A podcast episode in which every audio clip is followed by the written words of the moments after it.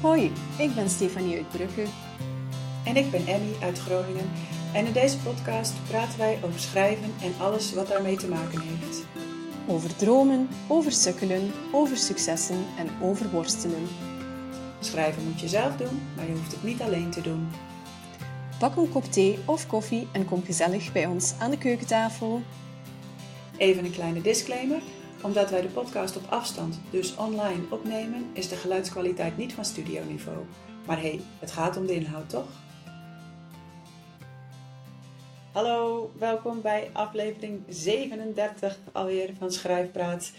Uh, vandaag uh, zijn Stephanie en ik weer met z'n tweetjes en wij gaan het hebben over ja, en over freewriting. En ja, wat dat dan is en waar het goed voor is, wat je eraan kan hebben. En um, Stephanie, jij doet heel erg dat dagboek schrijven, hè? Ja, enorm veel. Alleen merk ik de laatste tijd wel wat minder. En dat is omdat, één, ik druk heb. En twee, omdat alles relatief goed gaat. Um, dus wanneer ik ga dagboek schrijven, dan is dat vaak in momenten dat, ik zelf het antwoord niet meer weet. Dat ik denk, weet je wel, laat me een keer um, gaan schrijven. En dan op een bepaald moment schrijf ik de oplossing neer, onbewust. Uh, of het probleem, waardoor dat de oplossing uh, zichtbaar wordt. Dus dagboek schrijven doe ik zeker. Ik wil wel dat ik het iets consistenter deed. Dat ik het ook deed wanneer ik me eigenlijk goed voel. Omdat uh, als je dan later, en met later bedoel ik echt zo jaren later, als je dan terugleest en je hebt afstand, ja, dan, dan begin je ook patronen te herkennen. En nu heb ik dat dus vooral van in momenten dat, dat zo wat minder gaat in mijn leven, dat ik oplossingen zoek. Maar ik denk dat er ook veel te leren is van die momenten dat het uh, goed gaat, dat er daar ook veel patronen in schuilen. En die zijn misschien nog, wel niet nog interessanter, maar minstens even interessant als de, de patronen in moeilijke periodes, denk ik. Ben jij een dagboekschrijver, Emmy? Ja, ook wel. Um, ik, Alleen ik vind het lastig om, omdat ik al niet heel veel werktijd heb, om daar werktijd aan te besteden. Dus wat ik heel lang heb gedaan, is dat ik elke ochtend om vijf uur opstond en dan uh, ging dagboek schrijven.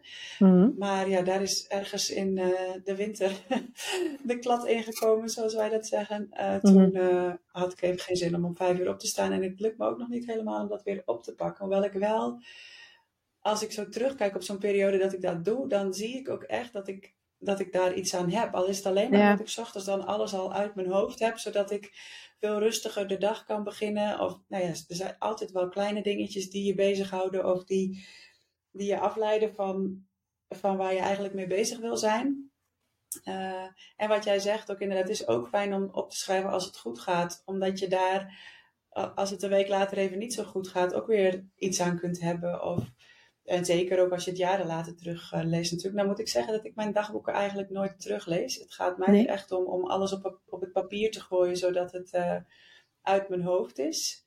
Um, en uh, ik denk ook echt helemaal nergens over na. Ik schrijf gewoon alles op. Dan wordt het bijna het letterlijke dingen van je afschrijven om ruimte te creëren in je hoofd, inderdaad. Ja. Mooi. Ja, klopt. ja, nooit teruglezen. Echt? Heb jij nog dagboeken uit je kindertijd? Uh, nee, ik denk niet dat ik het toen al heel veel deed. Uh, ik ben daar eigenlijk vooral mee begonnen toen uh, ik een beetje aan spirituele ontwikkeling ging doen. Mm. toen ik leerde dat, dat het kan helpen. En toen ben ik daarmee begonnen. En ik heb, ik heb boekjes, ik heb altijd van die notitieboekjes. Het liefst met stipjes en niet met lijntjes. Um, en uh, ik, heb, ik heb echt notitieboeken volgeschreven. Die staan hier ook allemaal in de kast. Maar ik, ik kijk er eigenlijk nooit in terug. Nee, ja, ik, ik wel. Dat is, daar, daar heb ik ook geen behoefte aan. Ja? Ja, ja. Ik heb uh, hier, hier dagboeken liggen van toen ik uh, 10, 11, 12 was. Uh, dus, dus mijn hele leven zit in, uh, in dagboeken vervat. Um, ik moet zeggen, ik heb, het is niet dat ik het heel vaak teruglees, maar ik heb wel een keer, ik denk een jaar of twee in de, geleden, in de zomer de tijd genomen om door die uh, tienderdagboeken te gaan. En ik was enorm verschoten van hoe, hoe, hoe rauw en ruw dat is. Want dat is, uh, je denkt niet na over uh, de zinsbouw. Uh, toen dacht ik ook niet na over het feit dat het waarschijnlijk ooit gelezen zou worden door iemand die nablijft. Uh, tenzij dat ik ze verbrand voor ik sterf. Um, maar ik was ervan verschoten van, van hoe hard ik ook nog als mezelf klink, hoeveel dat ik herken uh, van mezelf in de versie nu, in de volwassen versie, als dat ik toen neerschreef um, in de kindversie ik vond dat best confronterend. Uh, ik ook, omdat ik inderdaad, zoals ik daarnet al benoemde, heel veel patronen herkende. Uh, ik dacht van, oh jeetje, ik doe dat nog steeds. Uh, dat, waren, dat waren flauwe dingetjes hoor. Dat was, ik was verliefd op een jongen die in een, ja, twee jaar ouder was dan mij, dus in een andere klas zat. En ik had in mijn dagboek een horoscoopje uitgeknipt en de horoscoop in mijn dagboek geplakt, want die had een goede week voor vrijgezellen voorspeld. en ik moet toegeven, uh, als ik de trein neem en ik neem de metro, um, dan, dan heb je de krant die heet Metro. Het eerste wat ik nog altijd doe, is naar die horoscoop kijken en denken, oh, wordt, uh, wordt er een goede week voorspeld, ja of nee? Dus ik vond dat zo gek, dat, dat ik dat eigenlijk als kind al deed, en daar nog altijd waarde aan hecht of zo. Ik vond dat, ik vond dat gek en er waren veel zo'n dingen die terugkwamen. Dus in dat opzicht ah, vind, ik het, vind ik het heel interessant uh, om dat te doen. En uh, jij haalde het dan in het begin al aan, of voordat we begonnen met opnemen, ja, is freewriting hetzelfde als dagboek schrijven? Um, goh, ja. Toen ik dertien was, dacht ik er niet over na dat het ooit zou kunnen gelezen worden. En nu als ik dagboek schrijf, um, ja, het beste is dat ik dat idee ook loslaat. Maar af en toe sluipt het er wel in, zo van, oei, ooit zal iemand dat lezen. Um, en dan vraag ik me af, kun je dat dan nog freewriting noemen, ja of nee, als je je daar wel bewust van bent? Dat weet ik niet zo goed eigenlijk.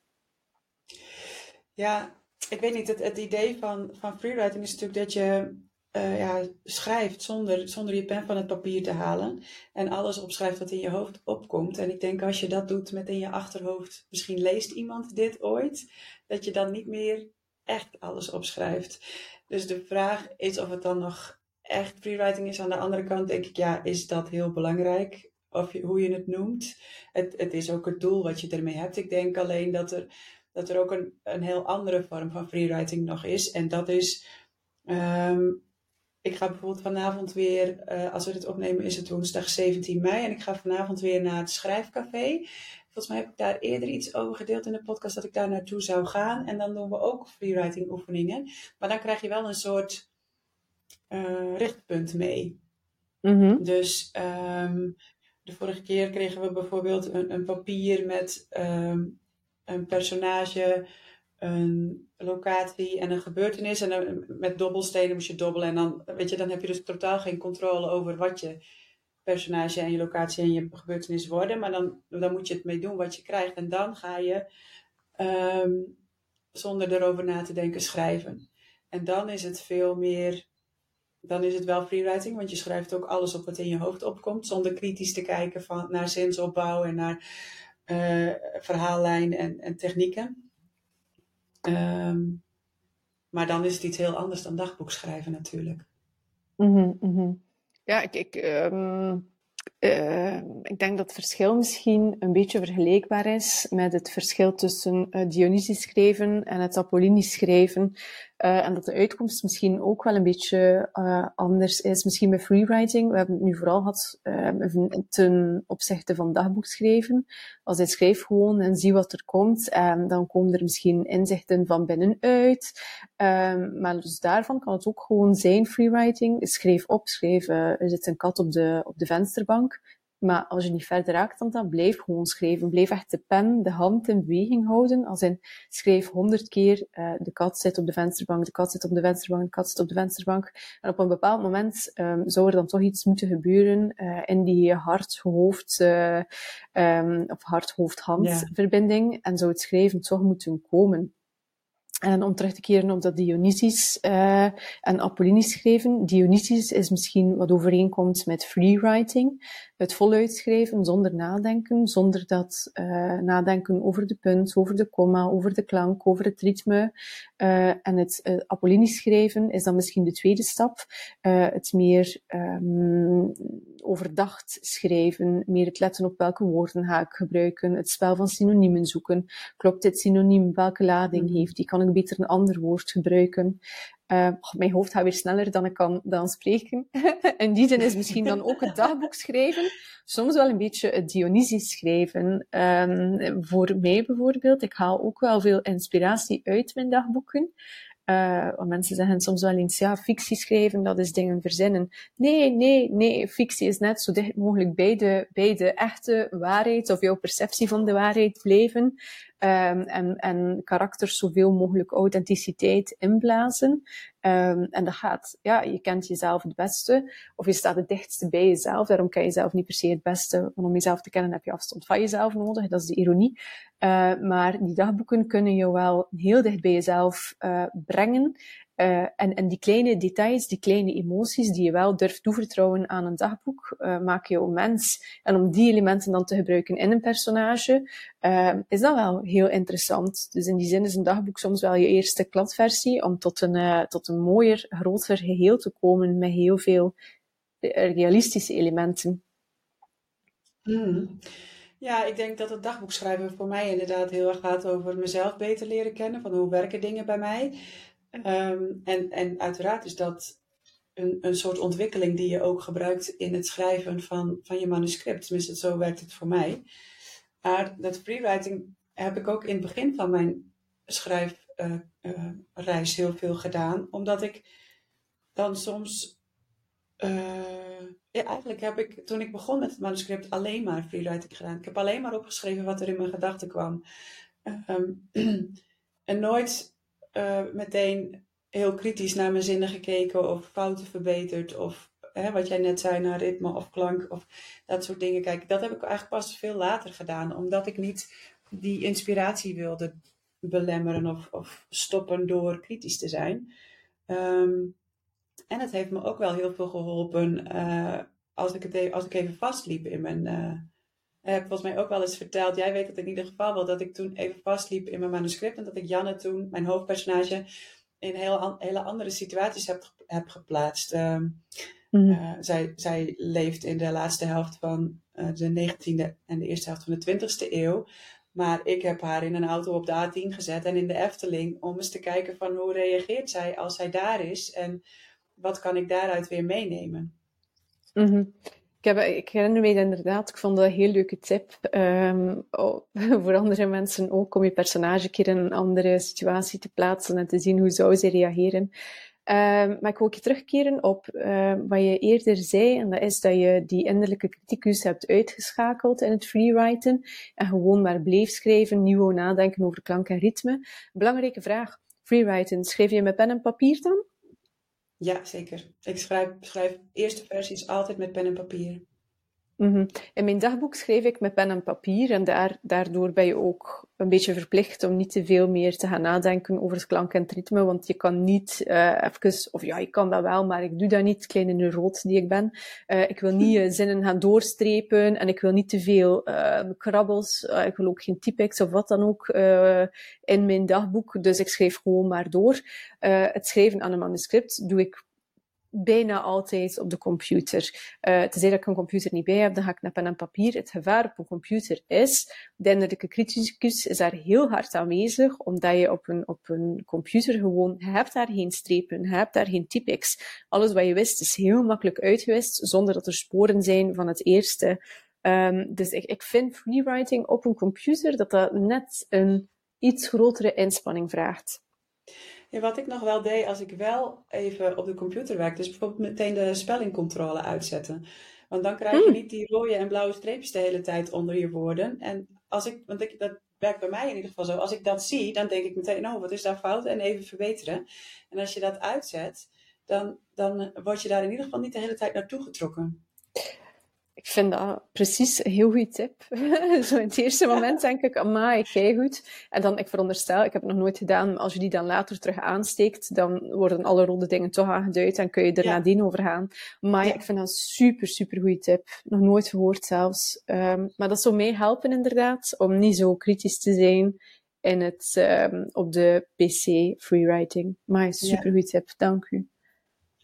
Graag gedaan. En wat ik ook nog heb gedaan met, um, nadat ik alles met pen en papier heb geschreven, is dat ik op een bepaald moment wel. Ehm, ik heb niet het hele manuscript eerst op pen en papier geschreven en daarna overgezet op de computer. Ik heb dat wel in. Nou ja, als ik dan twee dagen geschreven had, dan nam ik weer een dag om dat over te typen. Maar ik typte dat niet per se over. Maar eh, de nieuwere versies van uh, Word, van Microsoft Word, heb je een um, opnamefunctie of een dicteerfunctie. En als je dan uh, enigszins goed articuleert, dan uh, komt het eigenlijk best goed op papier. En het leuke van, misschien heb ik dat ook al wel eerder gezegd, van voorlezen is dat je ook meteen hoort of het ritme klopt van je tekst. Uh, dus eigenlijk is dat dan wel al meteen een soort herschrijf uh, ronde. Terwijl ik dan nog niet op, op typfouten en, en schrijffouten let, maar wel op, op ritme dingen en zo. Of ja, dat er iets ineens niet klopt. Of dat je denkt, huh, wat staat hier nou? Of ik heb nog nooit een dicteerfunctie gebruikt. Ik zou dat eigenlijk graag willen doen om te, om te zien of het mij bevalt. Dus misschien moet ik dat een keer proberen. Uh, ik schreef niet in Word, maar in uh, Scrivener. Het is ook zo grappig dat wij zo anders zijn. Dat onze werkwijze zo anders zijn. Dat vind ik best grappig. Uh, ja, ik, ik wil dat, zeggen ja, dat ik, had... nu ook Scrivener heb hoor. Dat had ik niet toen ah, ik ja? begon met mijn manuscript. Ik heb het nu wel. Dus ik, ik ben benieuwd hoe ik dat met het volgende boek uh, ga aanpakken. Of ik, ik denk wel dat ik alles eerst weer met pen en papier ga schrijven, omdat dat, ja, dat uh, ik geloof er ook in dat dat voor mijn inspiratie beter is. Nou ja, en ik denk ook als je erin gelooft, dan is dat zo. Ja. Uh, dus, uh, maar de vraag is, ja, Scrivener heeft geen dicteerfunctie volgens mij, dus... Ik ging het aan jou vragen, ik weet het niet. ik, heb hem nog, ik ben hem nog nooit tegengekomen, maar uh, ik heb er ook nog niet naar gezocht, moet ik zeggen. Dus misschien moet ik dat uh, ook even een keertje doen. mm. Ik kan het altijd een keer in Word proberen om te zien wat het geeft. Ben je het aan het opzoeken nu? Ja, ik zat even te kijken of ik, of ik het zo snel kon zien in Scrivener, maar ik zie het ook niet zo in één oogopslag. Um, je kan het ook altijd nog, als je het in Word, want dat is wat ik nu dus heb gedaan alles vanuit Words weer overzetten in Scrivener. Omdat ik uh, met scènes wilde schrijven, met hoofdstukken wilde schrijven. Dus dat, dat is op zich ook niet zo heel veel werk. Nee, nee, nee. Wat uh, met de binnen schiet, wat ik wel ooit een keer heb gedaan, um, was, ja, we sturen veel spraakberichten naar elkaar. Dus als, ik ga wandelen, nee, meestal ook als je wandelt, sturen we een spraakberichtje. Um, en wat ik voordien nooit deed, maar nu dus wel heb gedaan, is als ik wandel, komen er vaak ook ideeën um, om te schrijven of, of bepaalde dialogen of gesprekken. Uh, dat is hetzelfde, dialogen en gesprekken. Um, en ik dacht van, oei, ik heb niets bij om te schrijven, ben aan het wandelen. En ik had geen zin om het in notities zo neer te typen. En toen heb ik, toen heb ik het keer luid op ingesproken uh, een dictafoon, om dan nadien te laten afspelen en over te typen. Dus het is niet echt de dicteerfunctie natuurlijk, maar ik vond dat ook wel interessant. In plaats van te blijven in dat bos rondlopen en zo van, oh, ik mag het niet vergeten, mag het niet vergeten, maar ik wil het niet neertypen, want op notities iets neertypen in de computer, dan, ja, je verliest toch de, de tijd en het ritme, want het is wel lastiger en het is kleiner. Dat vond ik ook wel leuk, te keer inspreken aan jezelf, ter herinnering voor later. Uh, maar misschien gaat er nu iemand luisteren en zeggen, Stefanie, Stefanie, uh, er is toch een app waarin je het kan inspreken die het dan uittypt. Het zal wel, maar ik weet het niet. dus voor de mensen die dat niet weten en geen apps willen installeren, dictafoon. Ja, ja, heb ik ook wel eens gedaan inderdaad, als ik aan het wandelen was. Maar nu pak ik ook vaak wel even een bankje of zo en dan ga ik het toch snel even opschrijven.